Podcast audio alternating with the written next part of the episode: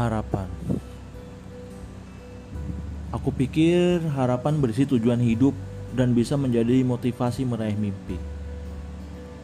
Setiap orang tentunya memiliki harapan tersendiri dalam menjalani kehidupan. Berbuat untuk sebuah harapan yang tidak lagi dikeluhkan tetapi diperjuangkan. Oh, selalu, selalu berpegang pada harapan. Aku yakin dengan keyakinan bahwa ada kehidupan yang lebih baik di dunia yang lebih baik di luar cakrawala sana. Maka bersungguh-sungguhlah saat harapan kamu kecil.